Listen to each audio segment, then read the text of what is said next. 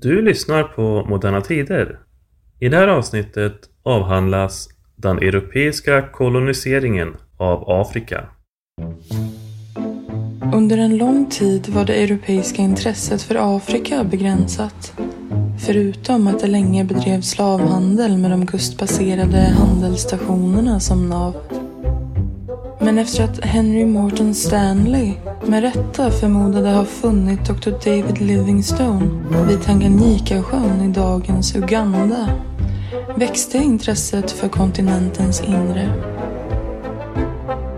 Under 1800-talets senare del började en snabb kolonisering av nästan hela Afrika.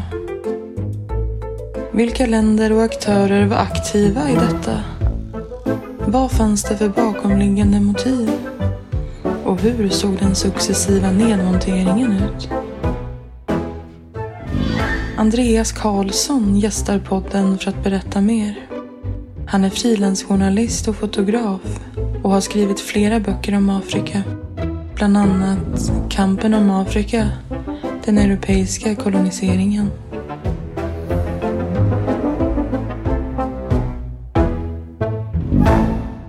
Ja, men då hälsar jag Andreas Karlsson. Välkommen till podden. Tack så mycket.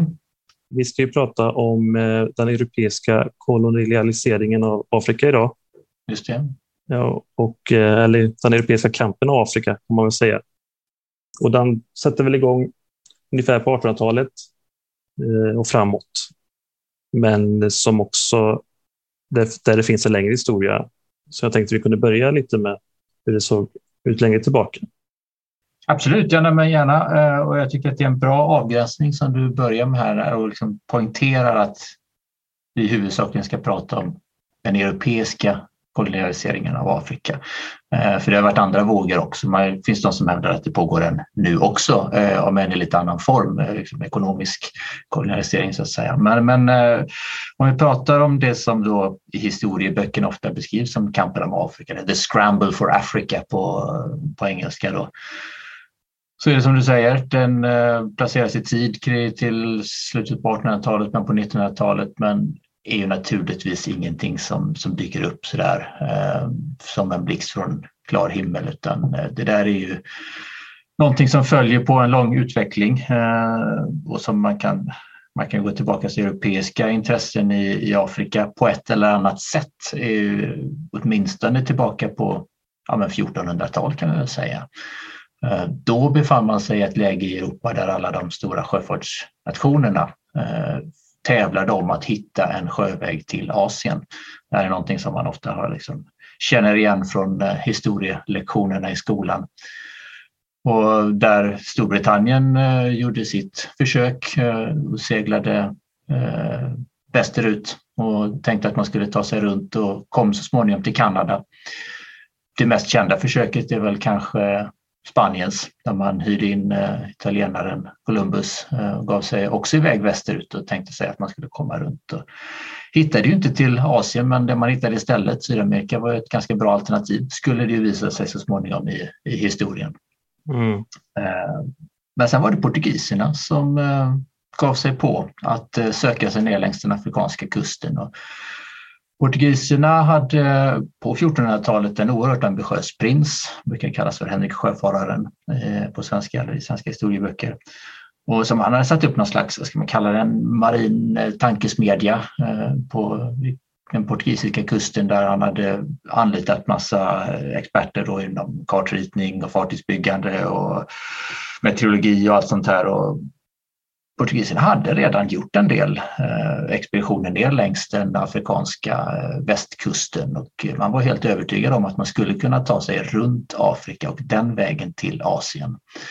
Eh, för handeln med Asien hade liksom pågått länge, landvägen, eh, den berömda Sidenvägen och sådär. Men det var en väg som var allt farligare, allt dyrare så att det var därför de europeiska länderna ville hitta en sjöväg. Man tänkte sig att den som kommer först eh, och kan liksom skeppa Asiens rikedomar till, eh, till Europa. Det är ett land som kommer att eh, naturligtvis kunna skära guld med, med täljkniv så att säga. Eh, och man lyckades så småningom också. Henrik Sjöfararen själv fick aldrig uppleva det. Han dog långt innan portugiserna så småningom lyckades segla runt Afrika. Men det skedde i två steg kan man väl säga och två berömda sjöfarare som, eller upptäcktsresande som jag tror att alla har hört talas om. Först Bartolomé Diaz mm. som ledde Eh, den första expeditionen och nu är vi på liksom 1490-tal, eh, alldeles i slutet på 1480-talet faktiskt på, i, eh, i hans fall. Och eh, kom så långt ner som till eh, dagens Sydafrika eh, under en liksom ganska strapatsrik segling. Där var det någon slags, ska vi kalla det ett myteri light. Besättningen var inte så intresserad av att fortsätta den här farliga strapatsrika seglingen så han vände tillbaka till till Portugal. Och tio år, tio år senare, alldeles i slutet på 1400-talet, så fullbordas så småningom då Vasco da Gama den här seglatsen. Eh, och längs eh, under den här tiden då när man seglar och försöker ta sig till Asien så gör man naturligtvis en hel del strandhugg eh, i Afrika och bekantar sig här och var med den lokala befolkningen. Inte alltid smärtfritt men ibland så fungerar det liksom som ett någorlunda hyfsat handelsutbyte där. Ehm, man är inte särskilt intresserad av att slå sig ner i Afrika. Man ser det som någonting okänt, någonting farligt, förstår inte riktigt vad man ska ha det till. Eh, så portugiserna använder det, liksom slår sig egentligen aldrig eh, ner där utan eh, använder det som en, ett rundningsmärke helt enkelt. Och eh, det där blir liksom början på en, det som är ett par hundra år sedan är en oerhört lukrativ handel med, eh, med Asien förstås. Eh, och så, så småningom också, eh, det är först långt senare när vi kommer in på 1600-tal som eh, Holländska Ostindiska kompaniet har skaffat sig eh, monopol på den där traden. Eh, först då börjar man inse att man kanske faktiskt ska ha någon slags Eh, postering, eh, bunkringsstation eller liknande. Och det är det som eh, i mitten på 1600-talet blev upprinnelsen till Kapstaden. Man kallade det Kapkolonin då och liksom inledningen på det sydafrikanska stadsbygget om man, om man så vill, även om det ska ta lång tid. Så där smyger man ju liksom igång lite grann då, även om det inte i det läget finns några egentliga kolonialambitioner så som vi idag tänker på det. Man har inte tänkt sig att man ska ha så mycket mer än en hamn möjlighet att bunkra, möjlighet att liksom serva fartyg, eh, man ska, besättningar ska kunna vila upp sig och så vidare. lite grann.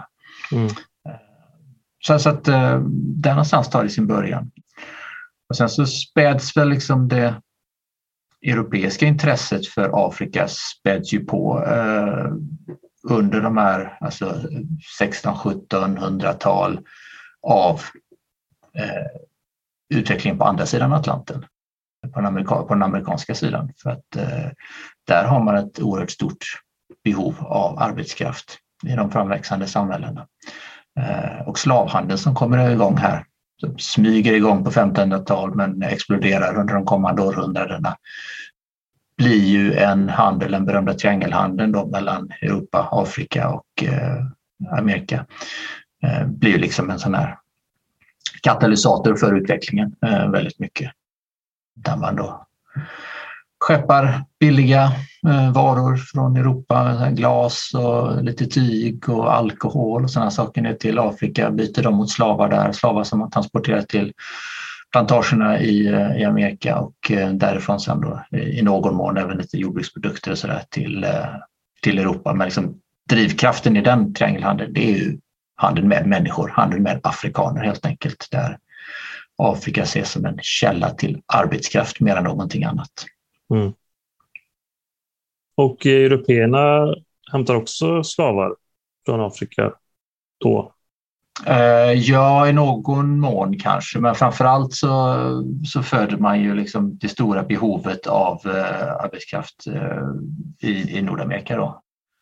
Med hjälp av afrikanska, afrikanska arbetskraft. Och det man ska komma ihåg är att det är inte så att européerna åker ner och börjar tillfångata afrikaner som man skeppar över utan man har god hjälp utav eh, lokala eh, samhällen, lokala slavhandlare i Afrika som gärna eh, använder då alltså krigsfångar kanske. Det fanns ju en hel del konflikter mellan lokala samhällen. Eller man tillfångatar eh, folk med enda syfte att sälja dem till europeiska slavhandlare som eh, då kan skeppa dem över. Och det är naturligtvis en oerhört grym och ganska välkänd eh, handel som pågår under flera hundra år. Mm när oerhört många människor transporteras eh, över Atlanten under brutala former. Många överlever ju inte ens resan naturligtvis. Mm. Men de som gör det har ju ett eh, oerhört tufft liv att vänta på andra sidan Atlanten.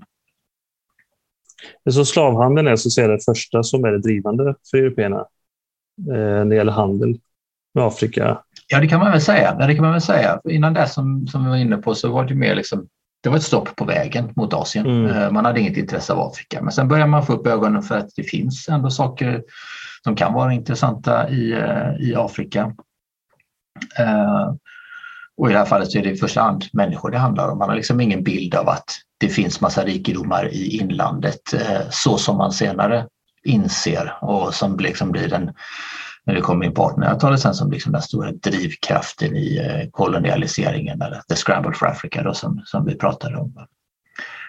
Men däremot så börjar liksom länderna börjar positionera sig lite grann. Alla de stora europeiska länderna ju, deltar ju i den här eh, slavhandeln på ett eller annat sätt. Till och med Sverige gör det faktiskt. Eh, exakt i vilken utsträckning är ganska omdiskuterat men under en kort period så fanns det ett svenskt slavfort eh, i dagens Ghana där man eh, åtminstone hade slavar på plats. Sen i vilken utsträckning svenska fartyg också deltog i att eh, skeppa slavar över Atlanten och så där, det, det är omdiskuterat men jag tror inte det finns någon anledning att liksom, tro att vi svenskar skulle varit särskilt mycket bättre. Det var, det var någonting som betraktades som ganska naturligt för den här tiden. Att eh, man kunde handla med människor, att det kunde vara en handelsvara, att det fanns liksom vissa människor var mer värda än andra och så vidare. Eh, mm. Hur obehagligt vi än kan tycka att det, att det låter naturligtvis idag. Då. Men eh, svenska posteringen där i Afrika var ganska kortlivad. Varför blev det så? Ja, vi hade ju inte så mycket att komma med. Vi var ju en, eh, alltså, vi har ju genom historien visserligen varit en stormakt då och då, men, men vid den här tiden när det gällde sjöfart på de stora haven så, så var inte Sverige någon stormakt att tala om, utan de som ledde eh, den utvecklingen var bland annat Storbritannien och sen fanns det ju då när det gällde handel också, det var holländare, och det var liksom portugiser och spanjorer och sådär som, eh, som var liksom de stora, stora nationerna när det gäller den myten. Eh, fransmän också i någon mån, även om de kanske inte egentligen varit en sjöfartsnation på det viset som Storbritannien till exempel. Då.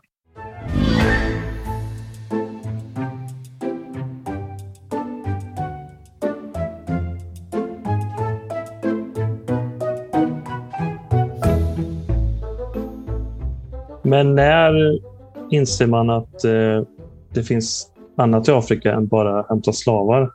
Att det finns otroliga rikedomar så att säga? Ja, men då kommer vi alltså in på, på 1800-talet. Det som har hänt innan dess, det kanske man ska säga förresten i anslutning till, till slaveriet, det är ju att eh, slavhandeln avskaffas, eller slaveriet förbjuds ju eh, någonstans slutet 1700-talet, en bit in på 1800-talet, sker på lite, vid lite olika tillfällen på olika eh, platser. Då. Eh, och det där är ju någonting som man har diskuterat en hel del vad det beror på. Eh, det har förts fram att det skulle vara humanitära skäl, det har förts fram att det skulle vara ekonomiska skäl. Eh. Eh, förmodligen lite av en kombination kanske. Men eh, jag skulle väl kunna tänka mig att de ekonomiska överväger. Jag tror att man ska vara lite försiktig med att överdriva de humanitära skälen för att slaveriet avskaffades. Man har hållit på i ganska många hundra år nu. Ja, jag tycker det är intressant som du tar upp i din bok som du har skrivit också att eh, i USA så var man orolig för att befriade slavar skulle kunna göra uppror. Mm. Så därför skeppade man tillbaka flera, många människor till Afrika igen. Exakt, och just det är ju liksom en intressant utveckling i sammanhanget. Då. Eh, dels var det en del frigivna slavar som hade liksom sökt sig till eh, Kanada som då liksom brittiskt och tillbaka till Storbritannien hade en del kommit, men även i USA så var man, precis som du säger, orolig för att eh, före detta slavar och, och allt för många slavar skulle riskera att leda till oroligheter. Mm.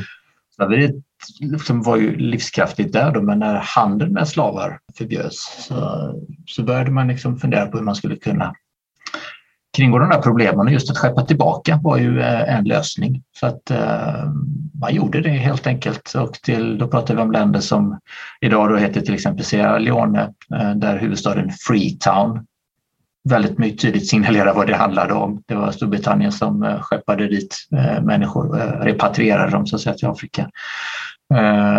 Liberia. Mm.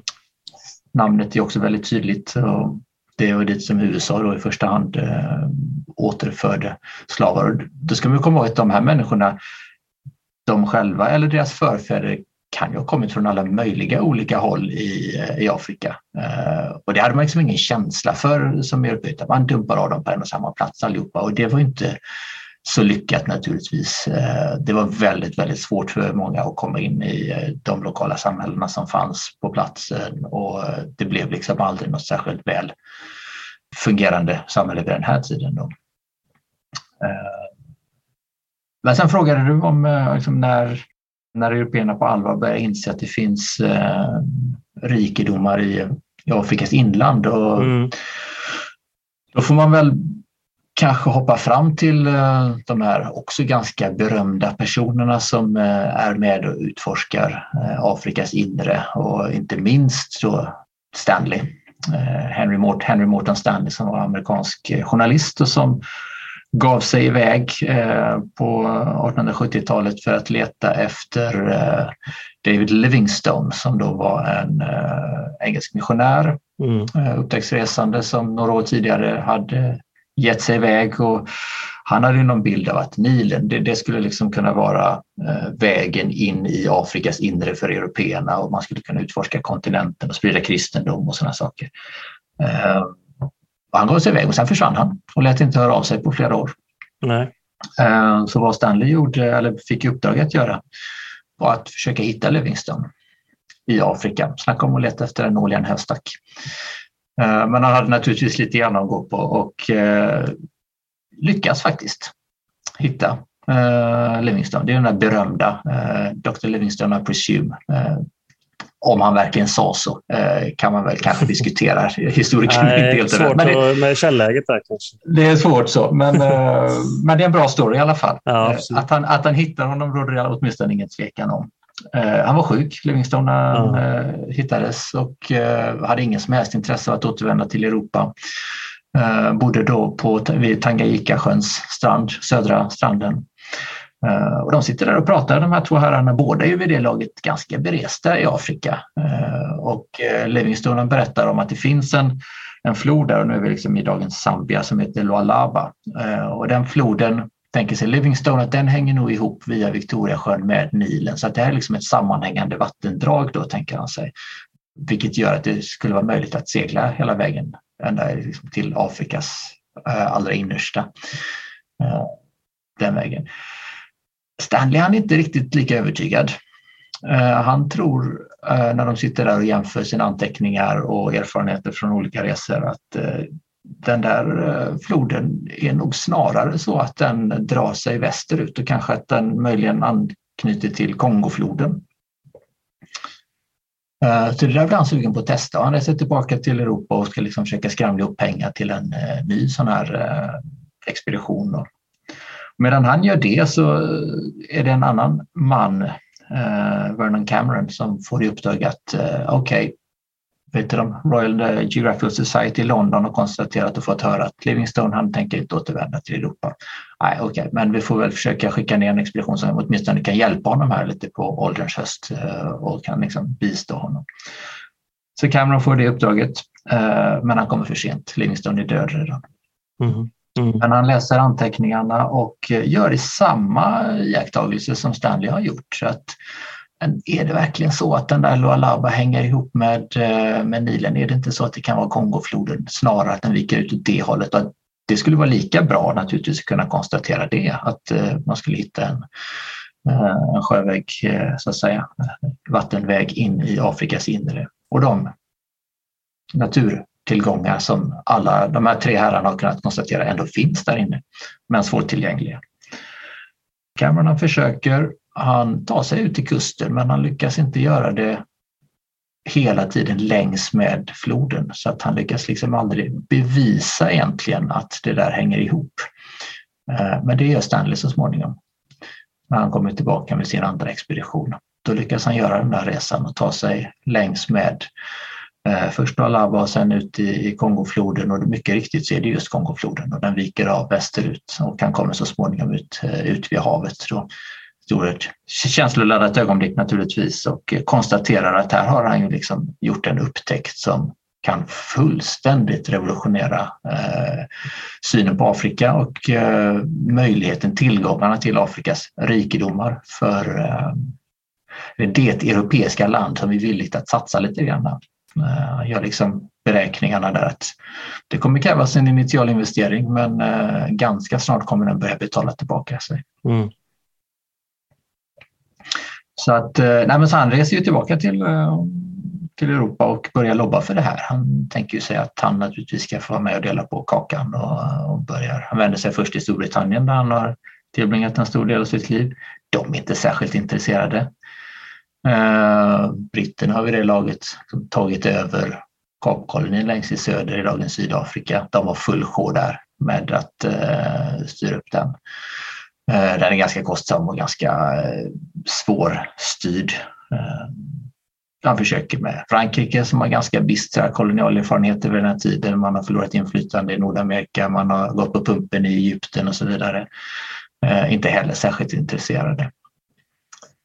Han blev väl liksom lite nedstämd och lite besviken tills det då kommer en inbjudan om att eh, komma och liksom berätta om sina erfarenheter. Den inbjudan kommer lite oväntat eh, från regenten i Belgien som heter Leopold II mm. och som är en av eh, de här personerna som verkligen förknippas med kolonialiseringen av Afrika. Och eh, det är väl inte fel att påstå att hans intresse eller besatthet av att skaffa sig en koloni i Afrika eh, fick liksom verkligen fart på kolonialiseringen eh, av kontinenten. Men det gick ju väldigt snabbt sen i slutet av 1800-talet. Var är vi i tid nu ungefär? Vi bara nu är, nu är vi på 1870-tal eh, och egentligen ska man säga så hade um, Leopolds intresse hade egentligen väckts uh, för Afrika hade egentligen väckts innan uh, Stanley började resa runt och propagera för att eh, här borde man ta tillvara på möjligheten. Han hade redan läst om den här första halvt misslyckade expeditionen som Cameron hade, hade gjort och sett att ja, men vänta, här vilken möjlighet här är.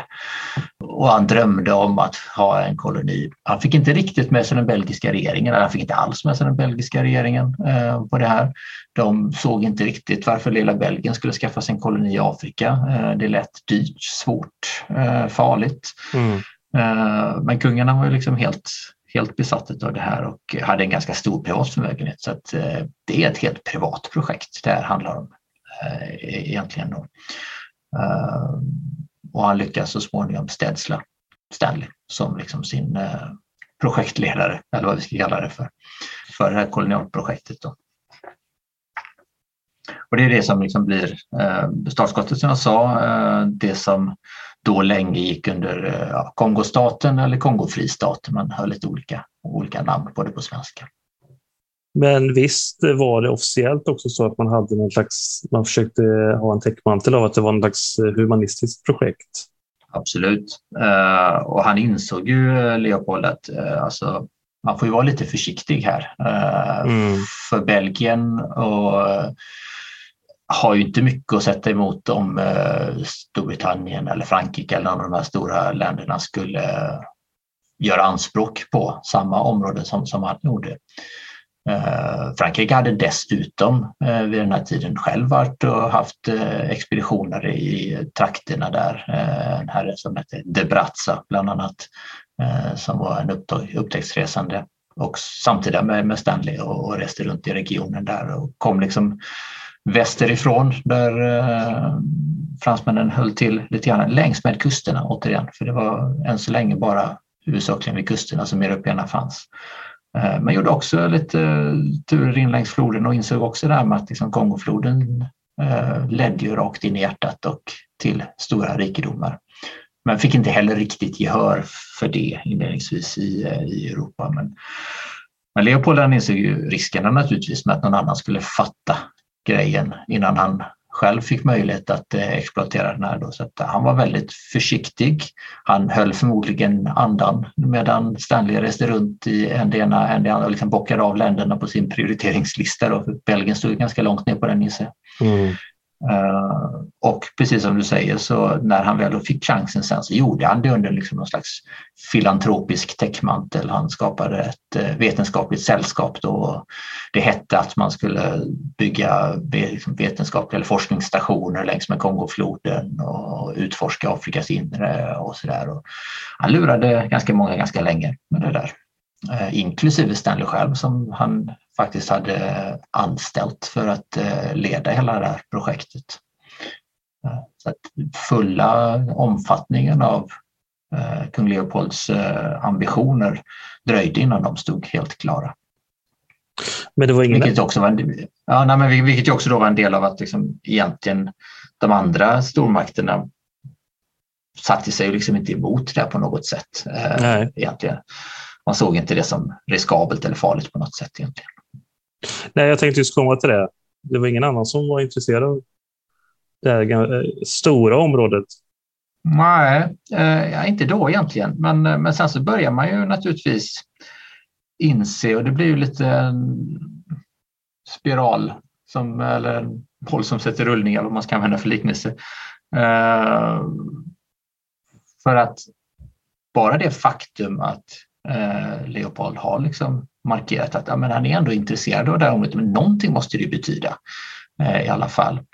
Eh, då börjar man röra lite grann på sig från, eh, från stormaktshåll, inledningsvis ganska långsamt. Och det som liksom sätter lite mer fart på det, det är ju den här berömda konferensen i Berlin, mm. 1884, Berlin, Berlinkonferensen, som vars betydelse som sådan när det gäller liksom att lägga Afrika under sig så är den kanske i betydelsen överdrivits en hel del. Men, men det är onekligen då som stormakterna samlas och alla visar att jo, men ett visst intresse har vi ändå här och liksom, vi kanske ändå måste positionera oss i förhållande till, eh, till våra andra konkurrenter. Då, så att säga. Mm.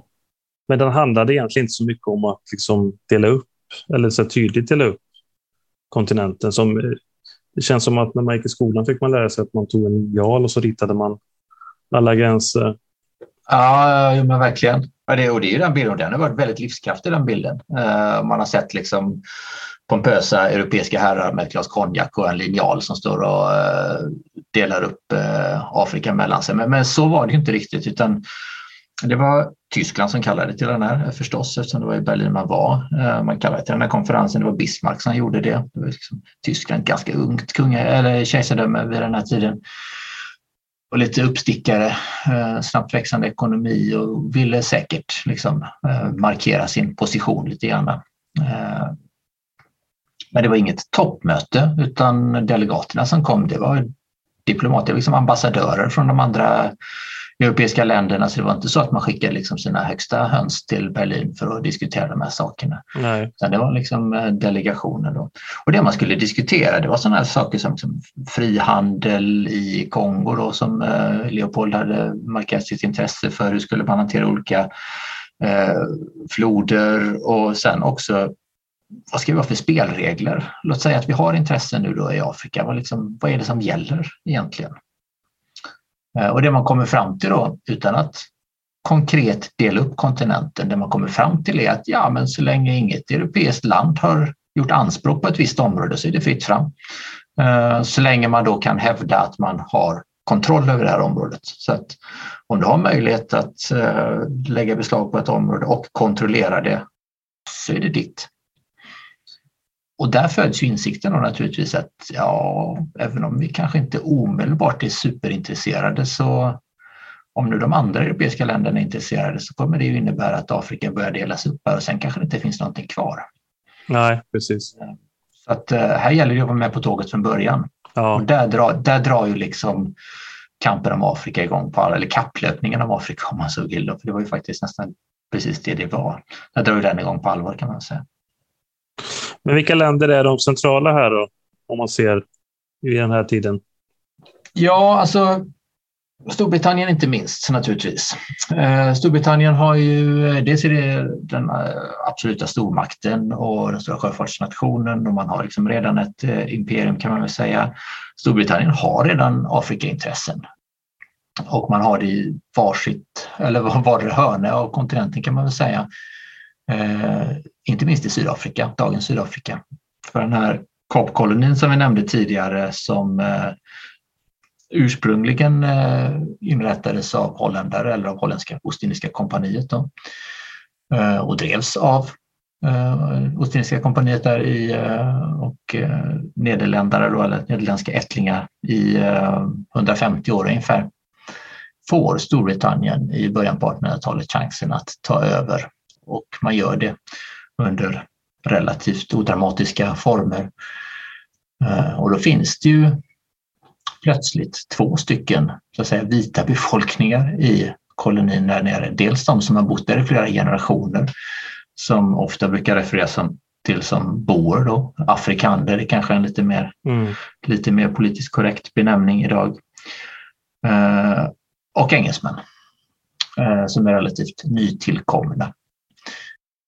Och det ställer till en del bekymmer för engelsmännen. Man har en eh, lokalbefolkning får vi väl ändå kalla dem. De har levt där i ganska många generationer. En vit befolkning som ser sig som lokalbefolkning och som ser engelsmännen som inkräktare och ser sig själv som ursprungsbefolkning i regionen eller liksom en eh, rättmätig innehavare av mark och land och sådär. Och det är massa turer fram och tillbaka eh, men det där mynnar ju så småningom ut i det som är ganska känt och vi brukar använda begreppet boerkriget på svenska. Vi har valt, vi har valt den brittiska sidan i det sammanhanget. Ja. Eh, Boerna själva eller afrikanerna brukar kalla det för frihetskriget. Alltså där har ju liksom engelsmännen en ganska djupt men också besvärligt engagemang eh, förstås. Och i andra änden i Egypten så har man eh efter att fransmännen initierat bygget av eh, och sett till så att bygget av Suezkanalen eh, blivit av mm. Eh, så har engelsmännen sen även där liksom manövrerat sig till det här. Eh, hela projektet fick ekonomiska problem och det var en del eh, internt inhemskt motstånd mot det också och engelsmännen annekterade helt enkelt eh, området eller Egypten och gjorde det under föresatsen att man ska skydda kanalen här till förmån för den internationella sjöfarten. Så att även där har man liksom ett, eh, ett intresse redan. Storbritannien är en sån här stormakt Frankrike en annan eh, som som jag varit inne på lite grann när man har varit och, och nosat upp längs floderna kring på, på västsidan. Man intresserar sig ganska mycket för området eh, mellan floderna som heter Gabon och Senegal och som då är, idag är länderna med samma namn. Eh, och man satsar på Algeriet väldigt hårt. Eh, för att, ja av flera skäl, men, men bland annat för att det är ett område som är dels är det ett närliggande område, dels är det ett som man har bedrivit handel med eh, sedan tidigare och det är ett område där det inte råder någon större konkurrens dessutom. Eh, så att Frankrike är ytterligare en sån där. Och Tyskland förstås då, uppstickaren som vi sa. Mm. Eh, jag vet att du tidigare har haft eh, i din programserie om, eh, om det tyska eh, folkmordet på Herero-folket i Namibia. Ja. Och, och, det där är ju liksom en av de tyska kolonierna då som kommer till så småningom. Mm. Tyskarna var ganska sena på tåget men någonstans där i höjd med Berlinkonferensen på 1880-talet så, så bestämmer sig Bismarck för att men vi ska nog faktiskt också vara med här och vid den tiden. Så det finns lite små tyska samhällen med missionärer och lite handelsmän och sådär längs kusterna så att eh, han ger helt enkelt en, en tysk eh, upptäcktsresande i uppdrag att resa ner och liksom, säkra ett antal områden för tysk räkning, områden där det då redan bott tyskar. Eh, och först upp i eh, som Togo och Kamerun, den delen. Eh, senare Namibia, dagens Namibia, tyska Sydvästafrika och sen även på andra sidan Afrika i dagens Tanzania, tyska Östafrika. Så Tyskland är liksom en annan sån här spelare. Sen finns det ytterligare länder, men vi har ju Portugal som var som vi var inne på tidigare, som är liksom det första landet att på allvar utforska, första europeiska landet att på allvar utforska den afrikanska kustlinjen. De missade ju tåget kan man väl säga eh, ganska rejält men lyckades ändå tillskansa sig det som idag då är Angola respektive det som är Mosambik. Eh, mm. Fick egentligen leva hela sin eh, koloniala historia lite i skuggan av de andra stormakterna. Eh, Italien, Spanien dyker också upp här och var. Spanska intresset är väldigt svalt får man säga men dagens eh, Ekvatorialguinea är en gammal eh, spansk koloni. Men deras fokus låg egentligen helt och hållet på andra sidan Atlanten på, i eh, Syd och Centralamerika. Italien eh, på sina håll också i olika omgångar kan man väl säga. Men inte minst då på, eh, på den östra sidan. Eh, Eritrea, Somalia, försök eh, att eh, kontrollera Etiopien också. Det gick lite knackigt. Eh, Etiopien är ett sånt där land som brukar berömma sig av att aldrig ha varit kolonialiserat. Eh, kan man diskutera lite grann naturligtvis. De var ockuperade så att var gränsen går kan man, kan man fundera på. Men, och sen, och sen även i Libyen naturligtvis, eh, i Italiens fall. Att egentligen alla de här stora självklara kandidaterna i, eh, i Europa. Vid den där Berlinkonferensen så var det ytterligare länder som var med. Sverige var representerat, det fanns en liten nordisk eh, delegation. USA var där, Ryssland var där, eh, Ottomanska riket var där, men ingen av dem hade ju några anspråk och har egentligen aldrig haft några anspråk eh, i Afrika på det viset. Ottomanska riket hade varit väldigt närvarande i Nordafrika tidigare? Ja, jo, det hade de varit. Och, men, men de, var liksom en... de var på nedgång då redan? 1800-talet också. Ja, ja men precis. Uh, och, och, det är lite intressant när vi pratade just inledningsvis där om att uh, vi avgränsar oss till den europeiska kolonialiseringen här nu.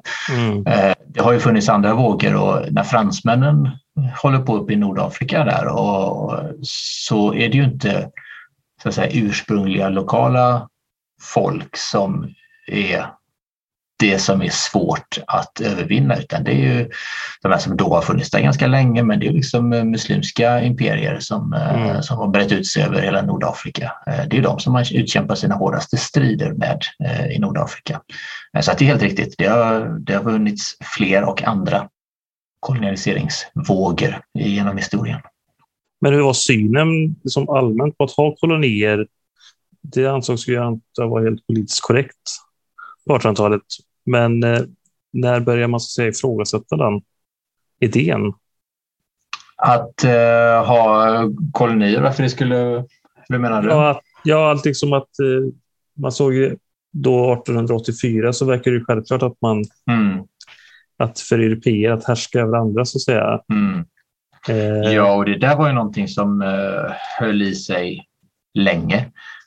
Och, och sen så ska man väl liksom komma ihåg lite grann under vilka eh, förespeglingar som det skedde. Då. Men i Berlin och överhuvudtaget under den kommande perioden där så, så fanns det en väldigt en grundmurad samsyn i Europa om att på något sätt man gör Afrika en tjänst här. Mm. Eh, vi, kommer med, vi kommer med kristendom och frihandel. Mm. Det kommer liksom eh, hjälpa utvecklingen i Afrika till, till förmån för alla. Eh, inte så att eh, man betraktade kanske afrikanska länder och afrikaner som jämlika på något sätt, men, men det skulle ändå vara, eh, man tillför någonting gott. Den bilden eller myten kanske man ska säga om de goda kolonisatörerna, den var ju oerhört stark och den har ju i någon mån fortsatt leva kvar i, i historieböckerna där eh, mm. det liksom har de här gamla kolonialmakterna nästan har tävlat lite grann i att framställa sig själva som lite bättre än de andra. Vi var i alla fall inte lika onda som de var. Eh, vi lämnade efter oss eh, broar och vägar och eh, administration och sådana saker. Så den debatten har ju varit livskraftig. Länge. Men jag tänker att det hänger, också, det hänger ganska mycket ihop tänker jag, med hur det har gått för länderna i övrigt historiskt. Jag tänker britterna känns det som att de sällan har behövt be om ursäkt så mycket i historien Verkligen. Tys tyskarna har ju varit lite annorlunda om man säger så. Absolut. Så det är väl kanske historien i stort som också påverkar hur, man, hur bedömningen för eftervärlden blir. Mm. Storbritannien är ju, är ju på något sätt historiens vinnare i historieböckerna mm. på många mm. sätt. Så. Mm. Och de har varit väldigt, väldigt skickliga på att eh, liksom framhärda i det. Eh, ja. Själva. Men de lyckades, om vi ska gå tillbaka till det med, med slaveriet och så vidare, det är ju de har ju berömmer ju sig för att vara de som avskaffade slaveriet och ja, de som sen bekämpade slaveriet under väldigt många år. Ja, men visst i någon mån så är det ju rätt så tillvida att eh, det fanns eh, brittiska antislavskepp som eh, patrullerade Afrikas kuster och beslagtog slavfartyg och sådär. Mm. Men dessförinnan så hade man ju gladeligen deltagit i flera hundra år i slavhandeln så att, själva. Så att det där ska man vara lite försiktig med. Och de har alltså brittiska historier har ju fått en hel del kritik för det där också. Mm. Eh, att man förskönar den eh, egna rollen i historien. Jag tänker att det som hände på 1900-talet sen med världskrigen och sånt mm. påverkar ju säkert också självförtroendet att ha kvar den bilden. Oh ja. Tyskarna har ju gått liksom den motsatta vägen. Ja, nej men verkligen. Och, och Tyskland förlorar ju sina kolonier eh, efter första världskriget. Mm. Det är ju en del av eh, fredsuppgörelsen att man, man förlorar ju dem och de övertas av eh, de andra kolonialmakterna. Det heter att man ska eh, inleda någon slags väg mot självständighet och sådär och det blir inte så mycket med det. Det dröjer ju eh, betydligt längre in på 1900-talet innan självständighetsrörelserna kommer igång på allvar och då är det ju inledningsvis lite motvilligt ärligt talat från från de europeiska eh, länderna naturligtvis. Eh, men visst, där försvinner liksom Tyskland ut ur bilden som eh, kolonialmakt. Ja, fast då har man övriga länder tänker ju ändå att man ska fortsätta då eftersom mm. det är ändå andra länder som tar över de kolonierna. Absolut. Så jag tänker att det verkar ändå varit en självklar bild när... För jag tänker att man ändå såg det som att det här var det naturtillståndet på något sätt. Mm. För jag vet inte hur mycket man tänkte att någon gång i framtid kommer de här länderna styra sig själva eller områdena så att säga. Nej, eh, nej det var ju alltså att den vite kristne mannen styrde världen och att alla andra eh, förväntades underordna sig. Det var ju natur. Det var ju naturliga tillståndet eh, för de här personerna som ägnade sig åt eh, kolonismen naturligtvis. Då. Och, och förmodligen, det var inte särskilt ifrågasatt heller vid den här tiden. Nej. Den, de strömningarna kom ju liksom en bit in på 1900-talet sen på allvar då naturligtvis. Men det är ändå ekonomiska intressen som är drivkraften så att säga? Eh, ja, det. Att man vill fortsätta? Det är ekonomiska intressen till stor del. Eh, missionärsverksamheten är viktig också. Den är liksom egentligen äldre än den här politiska ekonomiska kolonialiseringen av, eh, av Afrika. Alltså missionärer har hållit till betydligt längre än så och eh, gjort gott för all del, men också en hel del eh, satt en hel del spår som inte har varit lika bra för, för Afrika naturligtvis. Eh, men sen tror jag också att alltså, det blir någon slags prestige i det här. Alltså imperiebygget som sådant, imperiebygget mm. för sin egen skull. Eh, att vara en, eh, en stormakt, ett imperium där solen aldrig går ner som engelsmännen liksom har, pratat om. Det, det, det, finns ett egenvärde i det också eh, i väldigt stor utsträckning och det där tror jag liksom letas in ganska tidigt i det där och eh, att positionera sig gentemot sina konkurrenter. Då. Mm. Men eh, vi har ju första världskriget och då i Versaillesfreden så förlorar tyskarna sina kolonier. Och det är andra länder som tar över dem då. Det är Belgien alltså, som tar över vissa. Ja, Belgien tar ju över efter Leopold där. Det är ju lite intressant också. Han... Eh, ja, just det. Vi har, tving... Nej, vi har, vi har ju eh, hoppat lite grann här. Vilket, ja. Det blir ju väldigt lätt så. För det är, liksom inte, det är inte en linjär historia utan det är flera Nej. parallella historier här. Så mm. på det viset ser det en, en lite svårberättad historia. Men, men när Leopold går och dör där så har han, vad är det, 1909 är det väl tror jag, eh, och han har styrt Belgien, i, eh, eller varit kung i Belgien i alla fall i 40-45 år någonting sådant. Eh, och haft Kongo, Kongostaten eller Kongofristaten under en väldigt massa år och aldrig varit där. Nej. Och det var hans stora passion, det var han var fullkomligt besatt av den här kolonin. Han var eh, huvudman i ett veritabelt skräckvälde under väldigt lång tid. Och åker aldrig dit överhuvudtaget. Vilket är besynnerligt tycker jag. Eh, på väldigt många sätt. Eh, vad han egentligen skulle ha den till och liksom vad det var för drivkraft som låg bakom kan man faktiskt fundera på. Eh, men när han så småningom då lämnade ifrån sig kolonin efter liksom, ekonomiska problem. Man producerade mycket gummi till exempel och världsmarknadspriset på gummi eh, avtog. Eh, det här skräckväldet och liksom hur han for fram och eh, massmord på människor eh, väldigt brutalt eh, väckte ju naturligtvis internationella protester och så småningom inhemska uppror också. Det blev liksom inte hållbart i längden. Så när han lämnar ifrån sig kolonin så, så gör han det till belgiska staten som nog lite sådär halvsugna egentligen kanske på att eh, få en ganska stor, alltså till ytan väldigt stor mm. koloni eh, på halsen. Eh, samtidigt som det naturligtvis också ger dem en plats vid stormaktsbordet. Eh, så att, och det får de lite till skänks då. Eh, det är ju frukten av Leopolds gärning så att säga. Så att han ses väl liksom lite blandad i den belgiska historien. Idag är det väl, tar väl de flesta avstånd från, från det han gjorde i Afrika men, men ganska så länge så var han ju ändå liksom någon som satt, hade satt Belgien på kartan.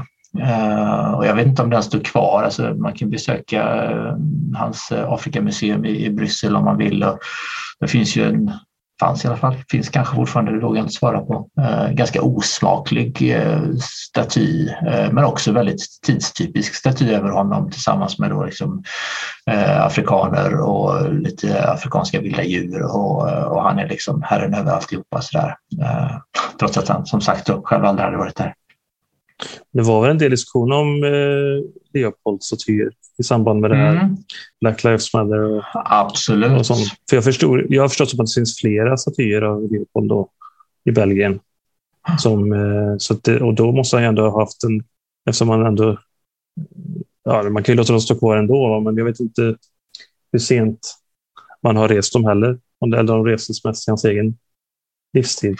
Nej, och det, det vågar jag inte svara på heller. Eh, det finns ju en parallell till, liksom, det finns, finns väl många personer som stått som har ifrågasatts i och för sig, men eh, om man går till det som är mig ganska närstående. Jag har bott i, bott i Sydafrika i många år och mm. eh, i, där har det handlat mycket om en annan kolonialherre, nämligen Cecil John Rhodes som var liksom det brittiska imperiets stora förfäktare i, i Afrika och som var ledde Kapkolonin under, under många år och som eh, fick någon slags eh, mandat från, från London att utöka kolonin och gjorde det uppåt inåt landet och skaffade sig också en privat koloni, mm. Rhodesia, sedermera Syd och Nordrhodesia och idag då Zimbabwe och Zambia. Han är också en sån där person som har hyllats ganska mycket för det han gjorde och stått staty lite varstans. Och bland annat så var det väldigt mycket rabalder kring en staty som stod utanför eh, universitetet i Kapstaden. Eh, och som så sent som för, ja inte allt för många år sedan, eh, 2018 kanske där någonstans, till slut faktiskt, ja, men den vandaliserades i ett par omgångar och så vidare. Till slut så bestämde man sig för att man, man tar bort den och Rhodes statyer på andra håll har eh, gått samma öde till mötes. Mm. Eh, så att det, det, finns ju absolut en, eh, en rörelse som har eh, velat göra upp med de här eh, historiska personligheterna som under en lång tid har hyllats som stora statsmän och imperiebyggare och sådär men som kanske då har kommit att omvärderas lite grann och med all mm. rätt måste man ju säga. Eh, sen kan man ju diskutera om det här med statyer och vad man gör med dem betydelse där. Det är ett stort symbolvärde naturligtvis. Mm. Eh, jag kan förstå att det inte är så kul som en ung svart student att promenera upp för trappan till Kapstadens universitet när Cecil John Rhodes står staty där. Det, det, kan jag förstå. Men ja. Äh, att, äh, ja. Men jag tänkte på det här du pratade om att äh, det väckte internationell, internationella reaktioner mot Leopolds Kongo-koloni och vad som hände där. Mm. Och det var ju mycket alltså, människor som dog, men även stympning och, och sånt där. Som mm. känt. Men var det unikt för Kongo eller var det brutalt även på andra ställen? Eller var det bara ja. att man försökte liksom skjuta över fokus till Kongo då, så att säga, mycket?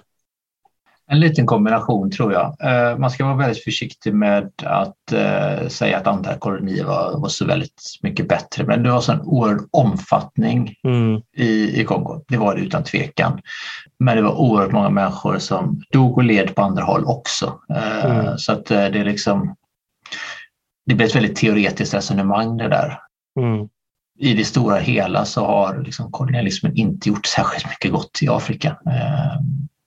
Får man, jag får tänkte, liksom sammanfatta det som. Nej, men jag tänkte var mer intressant för det var i samtiden att det blev starka reaktioner mm. som ändå tvingade Leopold att lämna kolonin. Ja, delvis. Eh, det var ekonomiska skäl också naturligtvis. Men, men, eh, jag tänkte om det, ja. fanns, ett, om det fanns ett större resonemang ja. då omkring eh, vad som skedde eller om det bara var fokus just på, eftersom det var så oerhört brutalt mm. eh, där. Det var huvudsakligen ett fokus på, eh, på Kongostaten, eh, mm. absolut. Och det, det, är klart att det gynnade ju de andra kolonialmakterna. Eh, så var det ju, för att det flyttade fokus från vad de höll på med på andra håll.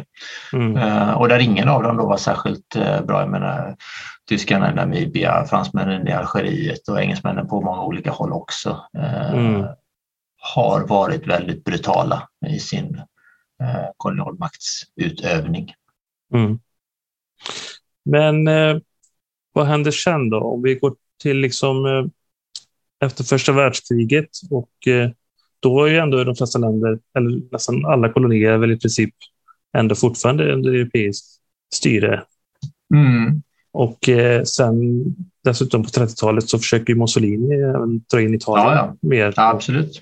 Ja, det kom ju en andra våg där och kanske inte minst för Italiens del då som liksom försöker sig på, på en vända till. Eh, och lyckas väl eh, lite sådär halvbra. Eh, men jag menar när andra världskriget eh, bryter ut så är ju eh, Afrika fortfarande europeiskt. Liksom det är europeiska flaggor som, som vajar i, i Afrika.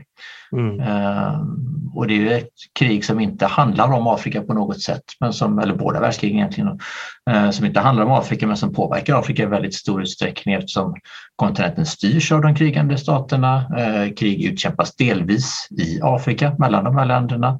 Afrikaner tvingas strida för sina kolonialherrar eh, mot varandra i ett krig som inte berör dem egentligen. Då. Och, och dessutom så sker det ju då lite eh, maktförflyttningar så att säga när förlorarna, som du var inne på tidigare, eh, tvingas lämna sina eh, kolonier. Italien blir av med sina efter andra världskriget sen eh, som en konsekvens. Och då är det fortsatt så ytterligare en tid framåt att eh, segermakterna då har kvar sina kolonier och tänker sig nog då i alla fall vid, vid freden efter andra världskriget att eh, det ska man nog fortsätta ha ett tag. Mm. Eh,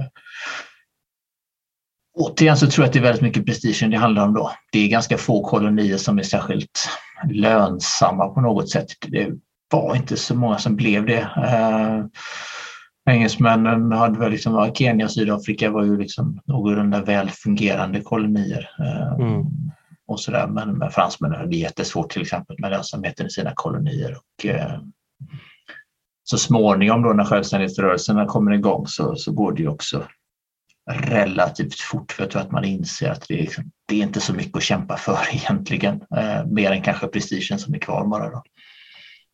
Jag tänker lite också att eh, det har blivit en eh, maktför, maktförskjutning liksom bland stormakterna i världen efter andra världskriget. Kanske tidigare också egentligen, men det är ändå ganska tydligt att liksom Storbritannien och Frankrike är ju inga storspelare egentligen nej, nej. längre, utan det är USA och Sovjetunionen framför allt. Precis. Som, inte inte har några, som, som inte har några Afrikaintressen egentligen att tala om. Man har ju senare i historien, och då pratar vi liksom om Afrika bestående av huvudsakligen självständiga eh, stater.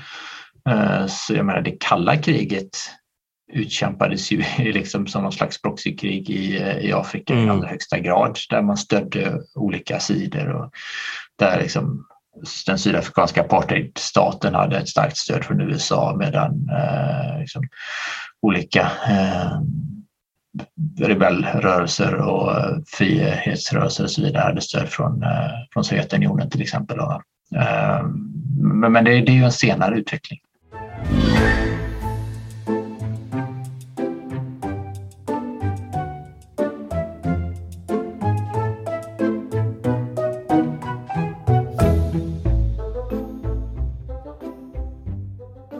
Men hur ser frigörelsen ut då? Eller vart var den, kan man säga att det börjar idéer om att slå sig fri? Eller det är ja, en ganska alltså, komplex fråga antar jag, eftersom det är, ja, det är en stor kontinent och många olika exempel och så. Men... Det är en väldigt komplex... Någonstans kan man väl säga att liksom hela den här turbulensen, eh, framtidshoppet som finns efter att eh, andra världskriget tagit, tagit slut, det liksom smittar av sig på Afrika och även om kolonialmakterna fortsätter att liksom hålla ett ganska fast grepp så, så smyger sig ju ändå tankarna om att vi kanske kan ha en självständig framtid in här. Eh, Etiopien känner ju väldigt mycket som ett eh, sådär, en inspirationskälla för de har ju gått igenom hela den här perioden och varit i stort sett självständiga eh, trots allt. Och att det är möjligt. Och man har dessutom besegrat ett antal kolonialmakter som har försökt. Man har liksom eh, stått emot eh, till och med det brittiska imperiet och man har stått emot eh, eh, italienarna också. Så att de är väldigt mycket inspirerade och självständighetsrörelsen har börjat liksom växa fram här och det är ju sådana som jag menar, Jomo, Jomo Kenyatta i Kenya och Nyerere i Tanzania och Västafrika finns det också ett par stycken, Nkrumah, Ghana och sådär som, som är liksom de här ikoniska självständighetskämparna. Då.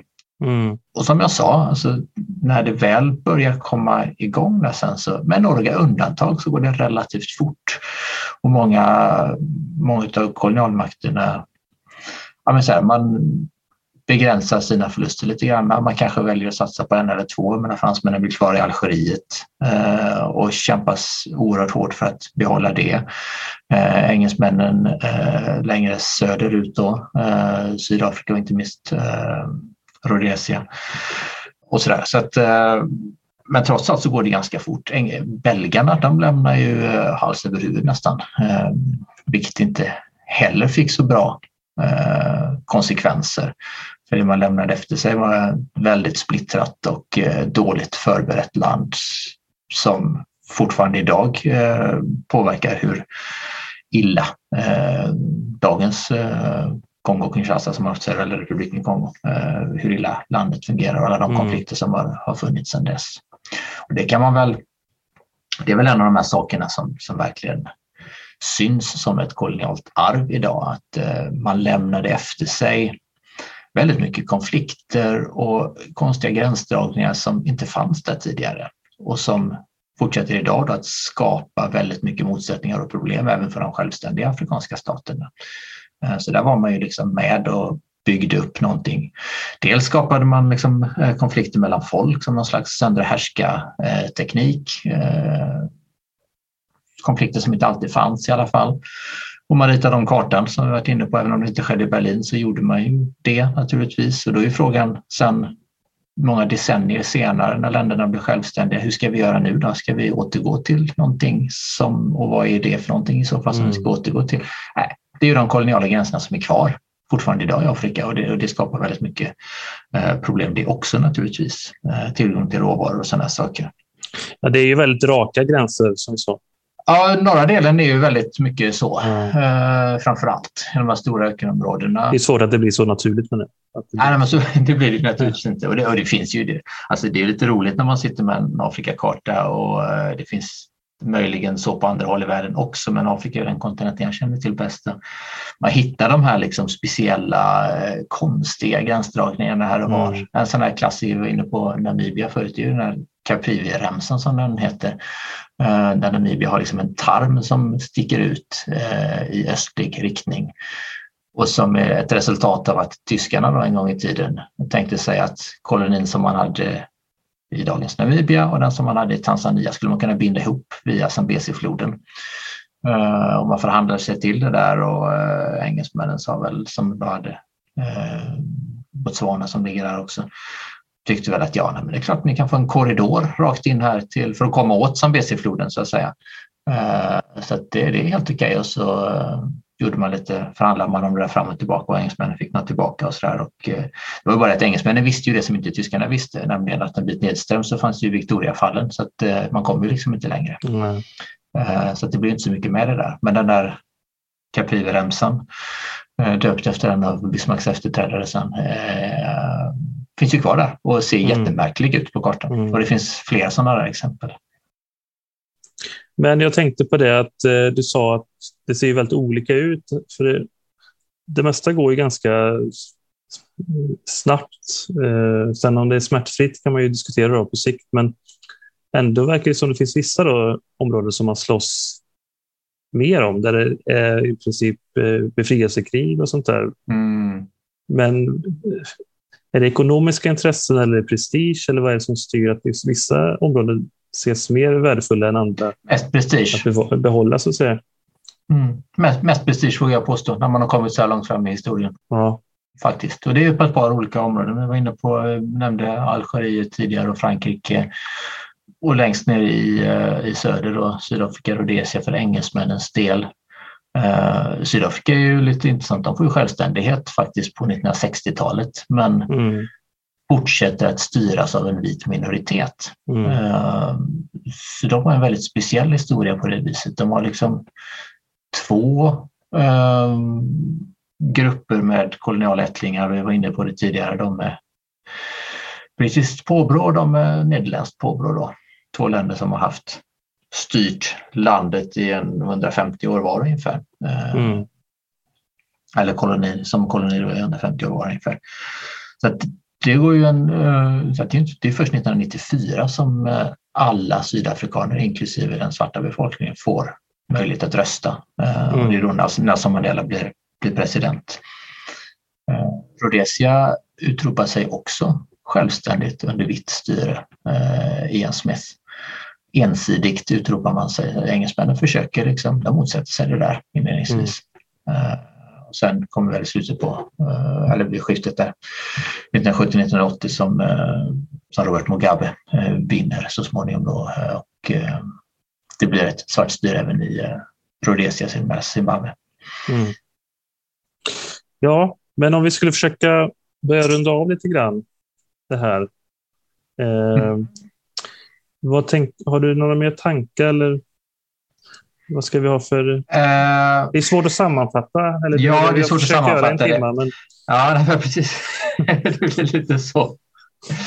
Uh, jag tycker det här som vi var inne på för en liten stund sedan här är en bra sak att ta med sig. Alltså det blir väldigt teoretiskt eller teoretiserande det här att prata om uh, vad för gott kolonialismen eventuellt har fört med sig. Och, mm. För det är klart att det är vissa saker eh, i form av eh, infrastruktur och sådana saker.